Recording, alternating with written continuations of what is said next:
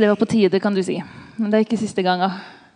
Og det er godt å komme en fin sommerdag og se dere som har valgt å gå inn og få lov til å være her. Så da ber jeg om at dere blir velsigna av å være her. Jeg er ute på en sånn miniturné i forbindelse både med at boka er gitt ut, men mest at jeg får lov til å dele hjertesak nå i et par uker. Så reiser jeg rundt. Eh, vi kan ta neste slide, for jeg er nemlig på tur med en liten forbeder på fire måneder som stadig ligger med folda hender og ber for sin mor.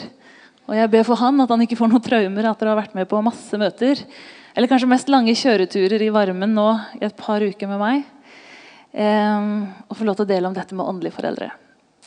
Jeg er fra Kristiansand, som dere hører. Fikk dialekten ødelagt da jeg vokste opp i Tanzania. Men jeg hadde resten av barndommen i Kristiansand. Jeg er så heldig å være gift med Stein Erik. Det har vi vært i to år. Og jeg har vært i Ungdom i oppdrag. Jeg har jobba i Philadelphia i Oslo, på bibelskolen der. Og jeg har jobba i Misjonsforbundet Ung. Og så har jeg da tatt en master i praktisk teologi. Og Da jeg skulle skrive masteravhandling, så skjønte jeg at det her må jeg skrive om noe som faktisk interesserer meg og fenger meg, for at jeg skal holde ut et sånn stort akademisk arbeid. Og så var det min egen pappa som satte meg på temaet. Hva om du skriver om mangelen på voksne i ungdomsarbeid?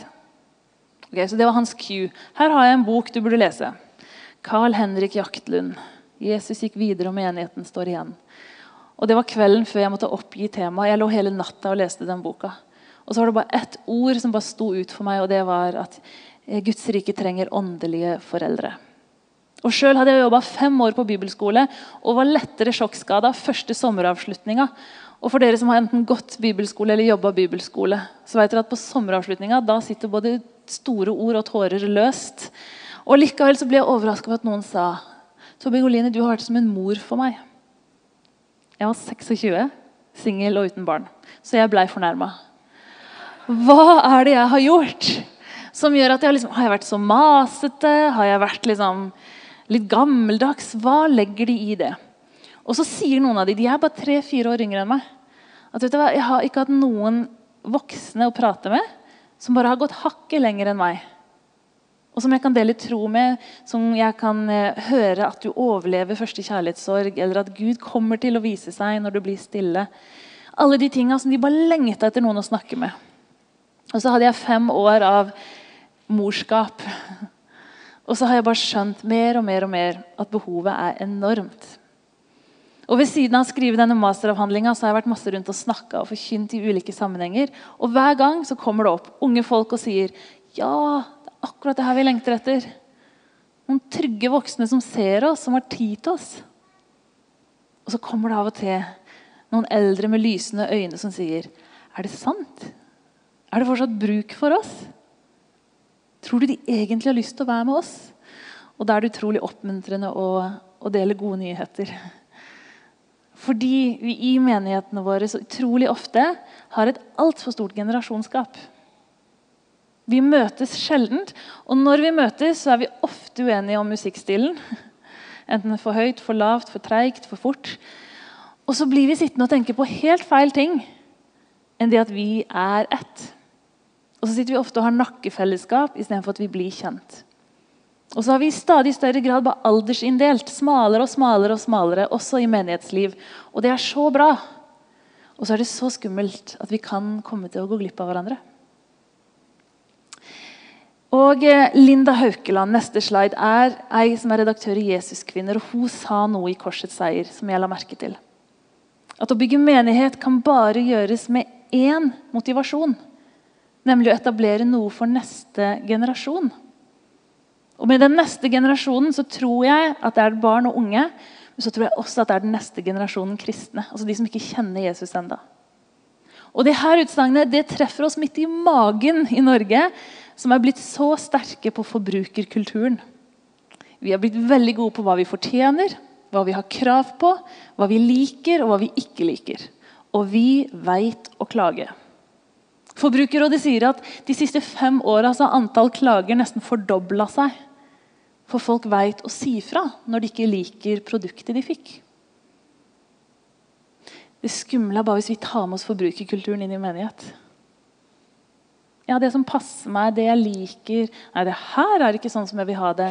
Og så kan vi komme inn med en sånn klagementalitet også i menigheten. Og da er det skummelt. Fordi det handler ikke om meg. Og det må jeg allerede begynne å leve. At når jeg i, mitt, i min menighet og i mitt menighetsliv skal begynne å tenke neste generasjon De som ikke kjenner den enda, og de som er unge, som trenger å ta et valg for Jesus. Ikke bare meg og nytt. For jeg tror at familie er den strukturen Gud har valgt. Både for oss personlig, men også for sitt folk. Vi står i en lang lang rekke fra Adam og Eva hvor evangeliet eller Guds ord har blitt overlevert fra de eldre til de yngre. Som har blitt eldre, som har gitt det til de yngre. Fedrene og mødrene har gitt det til barna. Og vi skal være med på den overleveringa. Og Likevel så er det så trist at Paulus like godt kunne sagt til oss i 2015 det han sier i 1. Korinterbrev 4 og vers 15. Og Der står det For om dere som kristne har 1000 lærere, så har dere ikke mange fedre. Det var jeg som ble deres far da jeg ga dere evangeliet. Så sier jeg, ha meg som forbilde. Og Derfor var det jeg sendte Timoteus til dere, min kjære og trofaste sønn i troen på Herren. Han skal minne dere om min vei i Kristus Jesus, slik som jeg lærer overalt i alle menighetene. Hør, I dag kan du laste ned podkaster fra overalt i verden. I sommer kan du reise fra festival til stevne til møte til Du kan få så mye påfyll av mange lærere som vil stå her og undervise. Men vi har ikke mange fedre eller mødre som ser oss, som kjenner oss, som er der i regnværsdagene.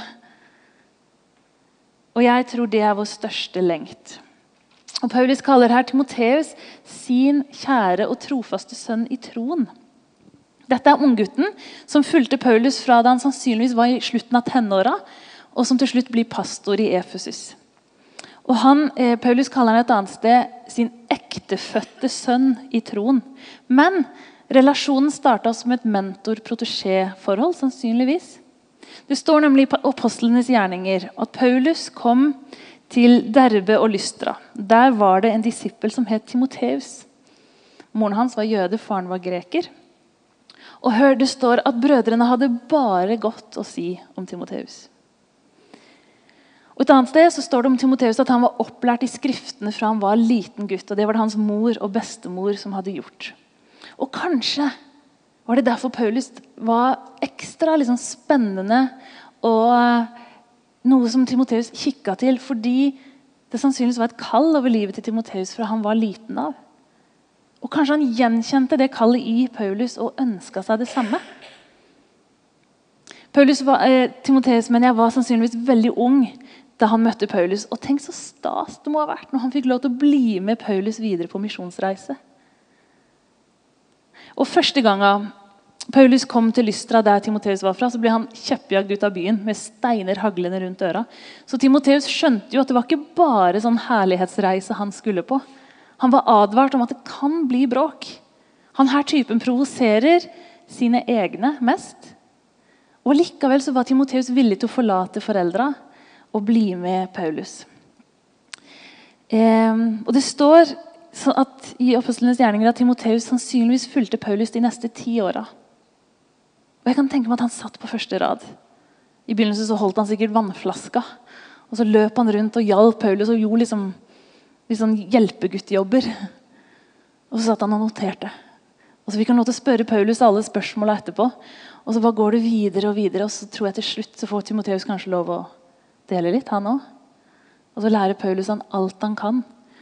Og så har det vært en utvikling i den relasjonen. For i Filipperne 2,22 så står det at dere vet at Timoteus har bestått sin prøve. Han har vært som en sønn for meg når vi sammen har gjort tjeneste for evangeliet. Timoteus fikk gått tett på Paulus i gode og i onde dager. Han var og besøkte Paulus i fengsel. Han fikk være med å skrive noen av breva han opplevde splittelse og uenighet i menighet. Og så ble han eh, satt inn som pastor i en menighet. De delte liv. Og Paulus var ikke en av tusen lærere. Han var far, og man trenger ikke tusen fedre, men man trenger én. Og det er så mange unge med et kall over livet sitt. Det er så mange unge som lengter etter noen som de kan gå med. Noen de kan følge. Og veldig mange trenger bare å se hvordan lever jeg et Jesusliv inn i A4 hver dag. Hvordan lever jeg som en troende i møte med akademia og studietilværelsen? Hvordan overleve troslivet mitt en travel småbarnsfase? De er så sultne på noen de kan gå tett på. De lengter etter sin Paulus eller sin far eller mor. Noen som kan ta oss med på sin livsreise, som kan gi oss omsorg, utfordre oss og be for oss. Og Da jeg skrev denne masteren, så måtte jeg lage en definisjon. Hva er egentlig åndelige foreldre? Noen trodde det var sånn ekstra åndelige folk som får barn. og Da heter de åndelige foreldre. Men de er egentlig mennesker som på ulikt vis velger å vise omsorg og gi veiledning i både tro og liv. Og så har jeg laget den definisjonen så vid og brei at så få som mulig kan unnskylde seg unna. Fordi du trenger ikke å være gift og ha barn. Og så trenger du egentlig ikke være verken så gammel, men du kan også starte ganske tidlig.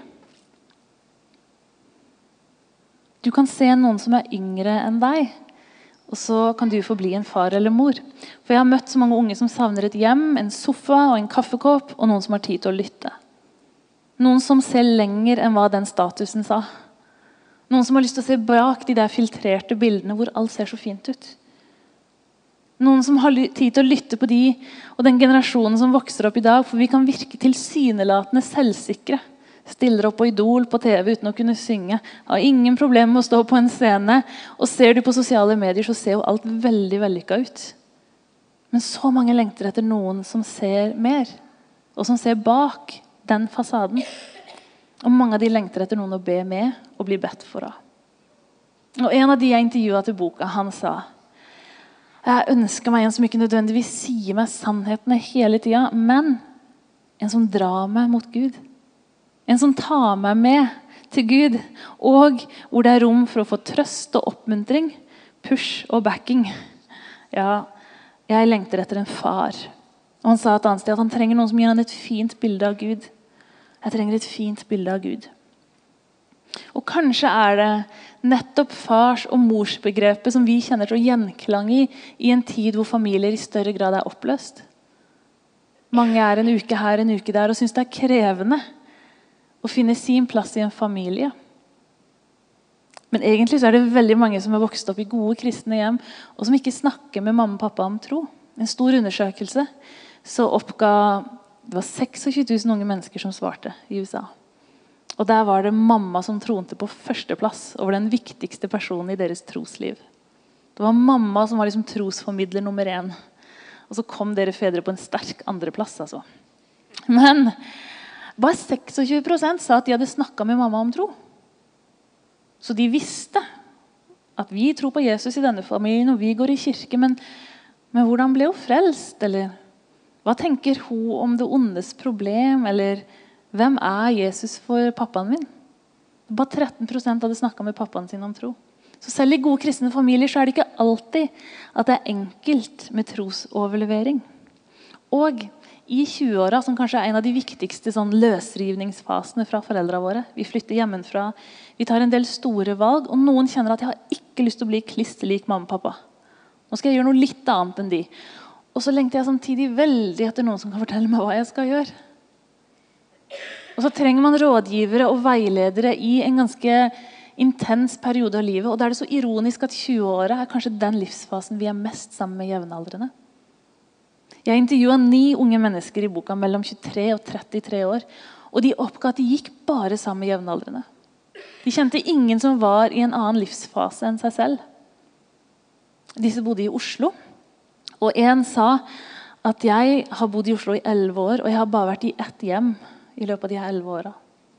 Mm. Sånn er det sikkert ikke i Stavanger, altså. men i Oslo så er det mange som lengter etter hjem og etter foreldre. Og så er det det at mange godt voksne lar seg lure av de her unge. De unge er så kloke i dag. Å, de er så smarte. De ordner seg greit, de. De er så drevne på teknologien, og de står fremst i køen på arbeidsmarkedet. og De har stilen motemessig. De veit hva som er inn, og hva som er ut. Og så virker de veldig selvsikre. Og så er det en del voksne, eldre, som lar seg lure fordi de ser ikke at det skjules en usikkerhet og en foreldreløshet og en lengten etter trygghet fra noen som er eldre enn de. Jeg har vært i litt over 30 brylluper. Og eh, I så mange av de her bryllupene så har jeg hørt enten brud eller brudgoms foreldre stå og tale. Og I mange tilfellene så har disse vært gift i mange mange år. Og så sier de, kjære brudepar, lykke til! Ja, vi skal ikke gi dere så mye råd, men dere må bare ha lykke til. Dette klarer dere. Og så har jeg stått og nesten stampa med foten i gulvet. og jeg liksom, Du har vært gift i 25 år, og så skal du ikke gi de ett stakkars råd med på veien. For oss unge som i dag gifter oss og lever i en realitet av en altfor høy skilsmissestatistikk, vi skulle gjerne hatt noen råd med på veien. Både fra dere som kjenner at dere har klart det, og dere som ikke kjenner at det gikk som har historien om hvorfor det ikke gikk, eller som kan fortelle oss hvordan man overlevde de onde dagene. For Vi lengter etter råd ut i en ganske så skummel og usikker livsseilas. Og så kan det hende at mange voksne i dag har fått øra tuta fulle av råd. De ble fortalt opp og ned hva de burde og ikke burde gjøre. Og så tenker de at de gjør oss unge en tjeneste ved at ikke de skal gjøre det samme med oss. Men så har pendelen svingt. Og så er vi rådløse. Og så trenger vi noen som har gått foran, noen som har gått lenger, og som kan vise vei. Og så er vi så individualistiske i dag at vi tar ikke hva som helst av råd, dessverre. Men kanskje heldigvis. Så vil vi veie råd, og så vil vi ta til oss det som vi kjenner at yes, det her går jeg på. Det kan både vise en modenhet og en umodenhet. Men vi ønsker råd og så tror jeg at Gud kan bruke det som er fra Han, til å skape liv. Jeg tror at Hvis du skal være åndelig forelder for unge mennesker i dag, så er det en ganske uselvisk oppgave. Da jeg spurte disse ni ja, er du, egentlig, er du egentlig interessert i det her, å komme hjem til noen og snakke med dem, Åh, de var bare overveldende interessert i noen som kunne se dem, og noen som kunne bry seg om dem. Og så sa jeg, hvor gamle skal de her være, da? Ja, helst over 50, men jo eldre, jo bedre, var det en som sa. Og ei som bare sa grå hår, ja takk. Da er du inne. og disse var da i 20-åra. Og ei som intervjuet, intervjua, hun skryter av sine åndelige besteforeldre. De er langt opp i 70-åra. Hun sa det er så bra, for de har så mye bedre tid. Og så er de et vell vet du, av Guds erfaringer og livsvisdom. Det er gode nyheter for deg som føler deg passert.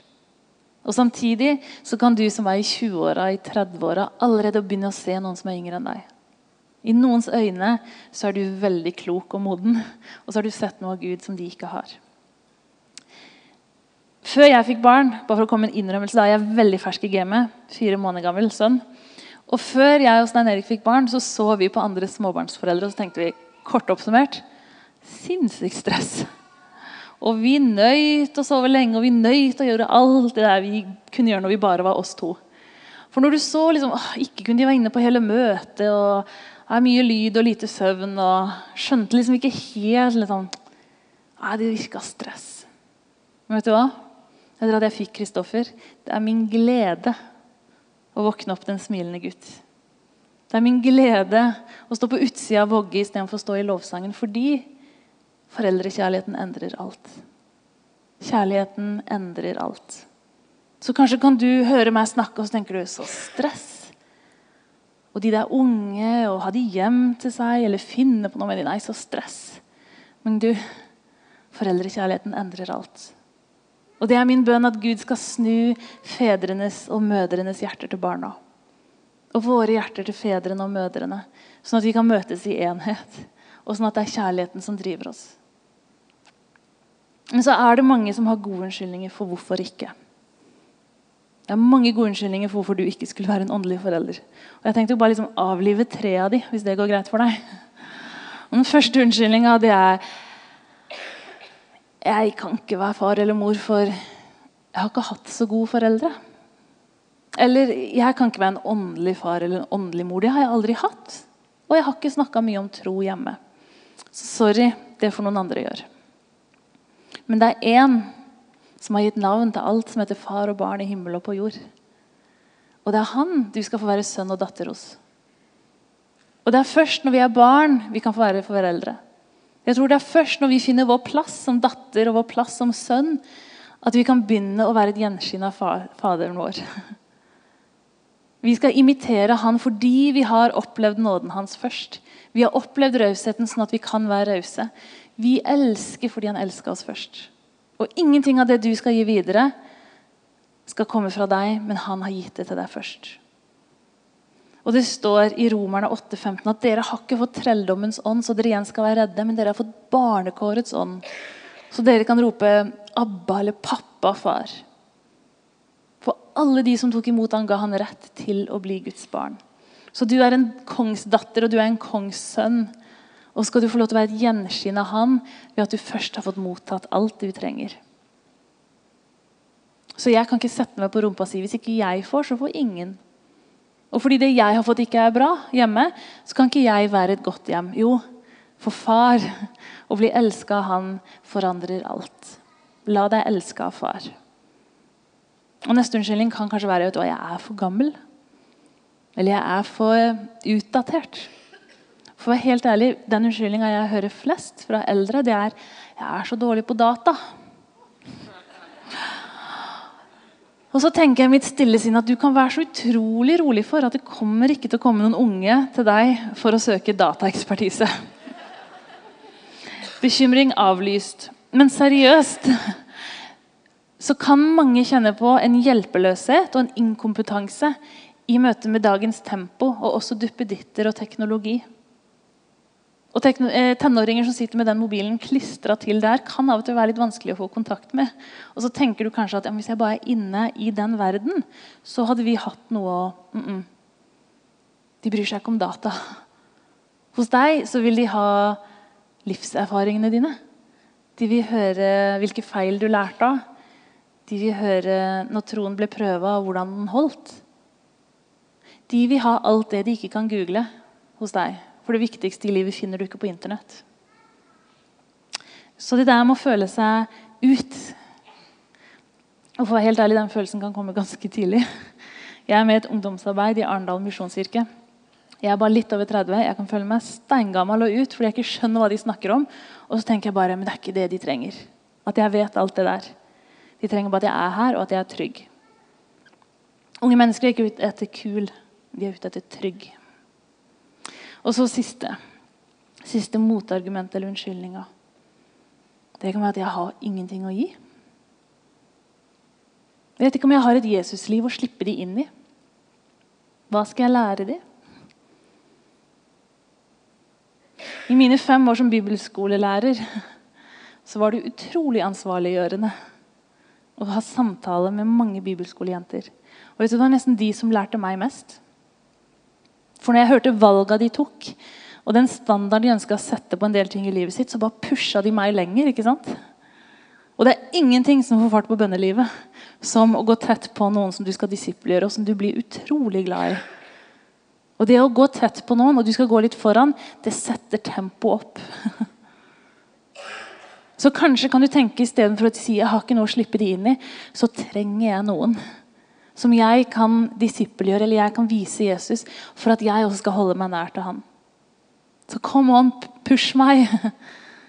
Og så kan jeg si at ja, noen dager så sier jeg som Paulus, som egentlig høres ut som bergenser når han sier 'ha meg som forbilde'. Kjempeselvsikker. Og det er dager jeg tenker 'ha meg som forbilde'.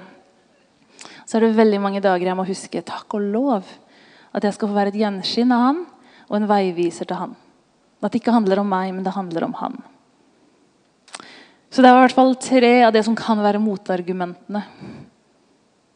At du er først en datter eller en sønn av han for at du skal elske videre. Så det at du kanskje ikke har opplevd dette, betyr at, ikke, at du ikke kan gi det videre.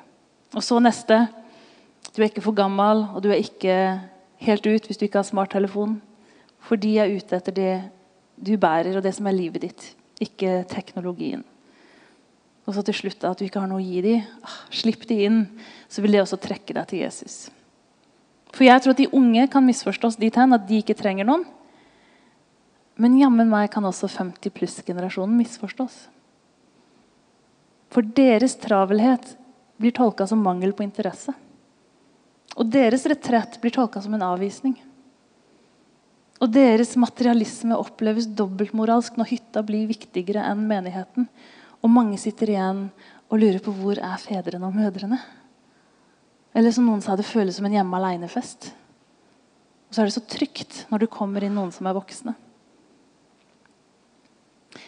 Ei jeg prata med, flytta ny til byen. Hun skulle være student, kom fra et mindre sted. og Hun bestemte seg for jeg skal gå på den gudstjenesten i den menigheten hvor alle er samla. Jeg skal være der når alle generasjoner er samla, for jeg har lyst til å bli kjent med de eldre. Og hun satt nesten og trippa, gleda seg til kirkekaffen og gå målbevisst bort til bordet med de eldre. Og Så oppdager hun til sin skrekk at når hun setter seg, så så smiler de litt sånn hektisk og reiser seg og sier men du skal da få slippe å sitte med oss gamle. Så vinker de bort noen yngre og så sier de nå må dere bli kjent med henne. Og så går de til sitt eget bord. Og Så satt hun igjen og sa ja, men det var jo de her jeg ville bli kjent med. Og så er ikke det vond vilje, men den usikkerheten og den eh, retretten Det var ikke vondt ment. Men hun lengta så inderlig etter å snakke med noen eldre, og de trodde hun bare ville ha jevnaldrende.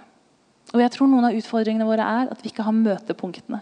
Vi har nakkefellesskapet, men vi trenger også å bli kjent og se hverandre i øya. I ungdomsarbeidet vårt i Arendal misjonskirke har vi hatt vitnemøter hvor vi har invitert hele menigheten. Og vet du, Noe av det sterkeste er det er når 16-åringen står og forteller jeg har tatt imot Jesus. Jeg gjorde det under dyna mi alene hjemme. Jeg gråt, og nå er jeg en kristen. Og så kommer 70-åringen og sier jeg tok imot Jesus da jeg var 14. Å, kunne jeg valgt igjen, så hadde jeg gjort det enda tidligere. Og han har holdt hele livet. Og så tror jeg både 16-åringen og 70-åringen er like oppmuntra av å høre hverandre dele det viktigste. Jeg tror kanskje vi trenger de møtepunktene der vi fokuserer på det som er viktig.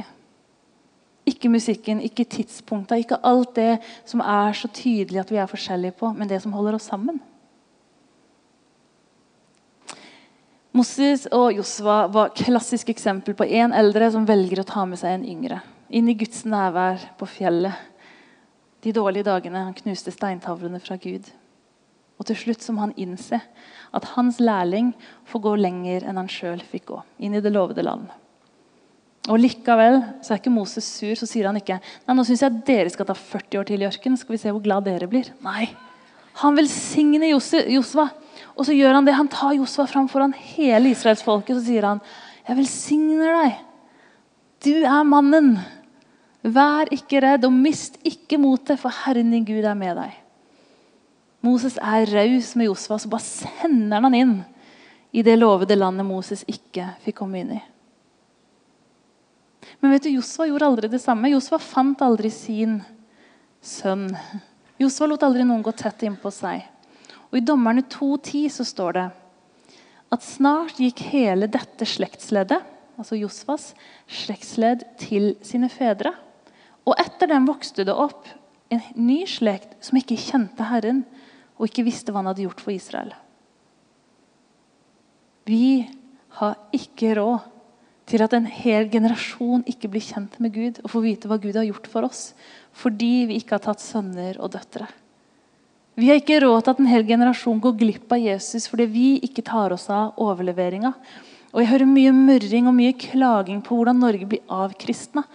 Det er helt forferdelig hvor lite kristendom de får i skolen. Det er helt utrolig hvor sekularisert samfunnet vårt er blitt på kort tid.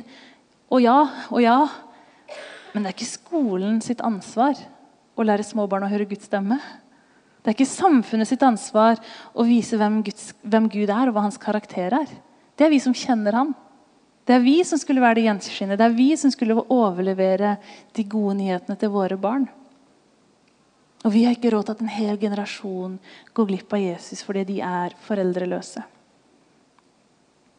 Jeg tror på en hjertevekkelse. Det er fedrenes og mødrenes hjerter snus til barna. Det er barnas hjerte snus til fedrene og mødrene sånn at kjærligheten kan dekke over generasjonsmotsetningene. For jeg tror at kjærligheten gjør kreativ. Og jeg tror at kjærligheten skaper en vei. Og jeg tror at fars- og morskjærligheten endrer alt. I denne boka som jeg har fått lov til å skrive, så fikk jeg også lov til å treffe utrolig mye flotte folk. Bl.a. et par som mange her kjenner godt. Stiv og Anne Kristin. Og Jeg møtte de på Krikk høyfjellsenter i Hemsedal. Det tok ikke mange dager før jeg gjenkjente at det her er en far og en mor. Ikke bare fordi barna deres var med, men fordi jeg opplevde når de ba for meg, hvordan de oppmuntra meg, at her er en far og en mor. Og Så fikk jeg lov til å komme hjem på frokost til de og snakke litt med de om det livet de lever. Og Mange her kjenner de bedre enn meg. Men jeg blir så oppmuntra og så utfordra på noen som har valgt å ha en åpen dør og et åpent hjem for så mange. Og Anne Kristin sa at For mange så er det nok å vite at de kan komme når som helst. Trenger ikke komme engang. De bare vet at de kan. Og så er det alltid en ledig plass ved middagsbordet. Og så ler man, og så prater man, og så ber man sammen. Og så er det så mange som har fått lov til å se hvordan både de behandler hverandre, og hvordan de er som en kristen familie. Og sånne hjem trenger vi mange flere av. Og Likevel så måtte jeg si til Steve da når jeg hørte bare liksom graden av deres gjestfrihet og raushet, at jeg var stiv. Jeg er introvert. Hvordan skal dette gå? Jeg prøvde å skylde på at kanskje det er fordi han er amerikaner at de er så rause. Jeg tror det er mer enn det. Så sa han noe lurt. så sa han til Begoline, For dere som er introverte, så må du bare ha andre rammer rundt det. Noen får helt klaus og tenker at du har svingdør i huset sitt. Det kan når som helst komme noen. Jeg må ha det ryddig hele tida. Og det var Anne Kristin tydelig på at det prosjektet måtte man gi opp. Verken hjemmebakst eller ryddig kunne stå på programmet hver gang. Men så sa Steve nå vet du, du kan bestemme deg for at én dag i uka så har du invitert en familie på middag. En kveld i uka så er det lov å henge hos dere fra seks til ti. Og så er jeg sikker på at du kan være der 100% fra klokka seks. For du vet at klokka ti så går de. Og så vil det for noen av oss introverte være mye lettere å være til stede når du vet at du får henta deg inn, du får puste, og du får den tida for deg sjøl. Men ikke la det være en unnskyldning. Og kanskje er ikke hjemmet din arena. Kanskje skal du ta med noen ut på fisketur. Ta med noen ut i fjellet. Ta med noen på joggetur. Det handler om å ikke skape så mye nytt, men å inkludere noen i livet sitt. tror jeg. Det handler om å se, og det handler om å bry seg. Og så tror jeg du kan begynne med å be for noen som er yngre enn deg så vil det skje noe i hjertene våre. Jeg opplever at i en tid som denne så tror jeg Gud har lyst til å reise opp fedre og mødre i alle aldre. Alle innpakninger, med alle utrustninger. Og så vil vi, som så mange andre som har blitt kalt av Gud, først komme med unnskyldningene. Og så er jeg så glad for at Gud ikke tar de. Fordi han sier at hvis jeg har kalt deg, så er ingenting umulig. Så kan vi ta de orda som Josef fikk høre. Vær ikke redd, og mist ikke motet. Så vil han gå med deg, og han vil lage vei foran deg. Og så er jeg sikker på at du kan se bak deg og se at det er noen som følger etter deg, og noen som vil se til deg, for fedre og mødre. Herre, det ber jeg om. Og det takker jeg deg for, at du er trofast. Takk for at du ikke etterlot oss her som foreldreløse barn. Takk for at du har gitt oss av din ånd. Og takk for at din kjærlighet er i oss. Og så ber jeg deg, Herre, at vi skal få lov til å være et gjenskinn av den kjærligheten. Og for de av oss som trenger å bli elska først, så ber jeg om at du skal komme med det, sånn at vi kan elske videre. Og for de av oss som sitter og kjenner at det her lengter jeg etter, det her trenger jeg, så ber jeg om at du skal sørge for. Så ber jeg om at du skal komme og koble behov og ressurser. Og så ber jeg om at du skal legge en sterk hånd i ryggen på de som nøler og lurer på om dette kan være for dem. Herre, la de kjenne frimodighet. Og la de kjenne at dette er gode nyheter inn i en pensjonisttilværelse eller inn i den tilværelsen der barna har flytta ut. Og så kan de tenke ah, sofaen min, masse plass til noe nye. Herre, jeg ber om at du skal reise opp fedre og mødre som er et gjenskinn av deg, og for at de skal fortelle neste generasjon om hvem du er, Jesus. Fordi du er god, og fordi du er alt vi trenger. Amen.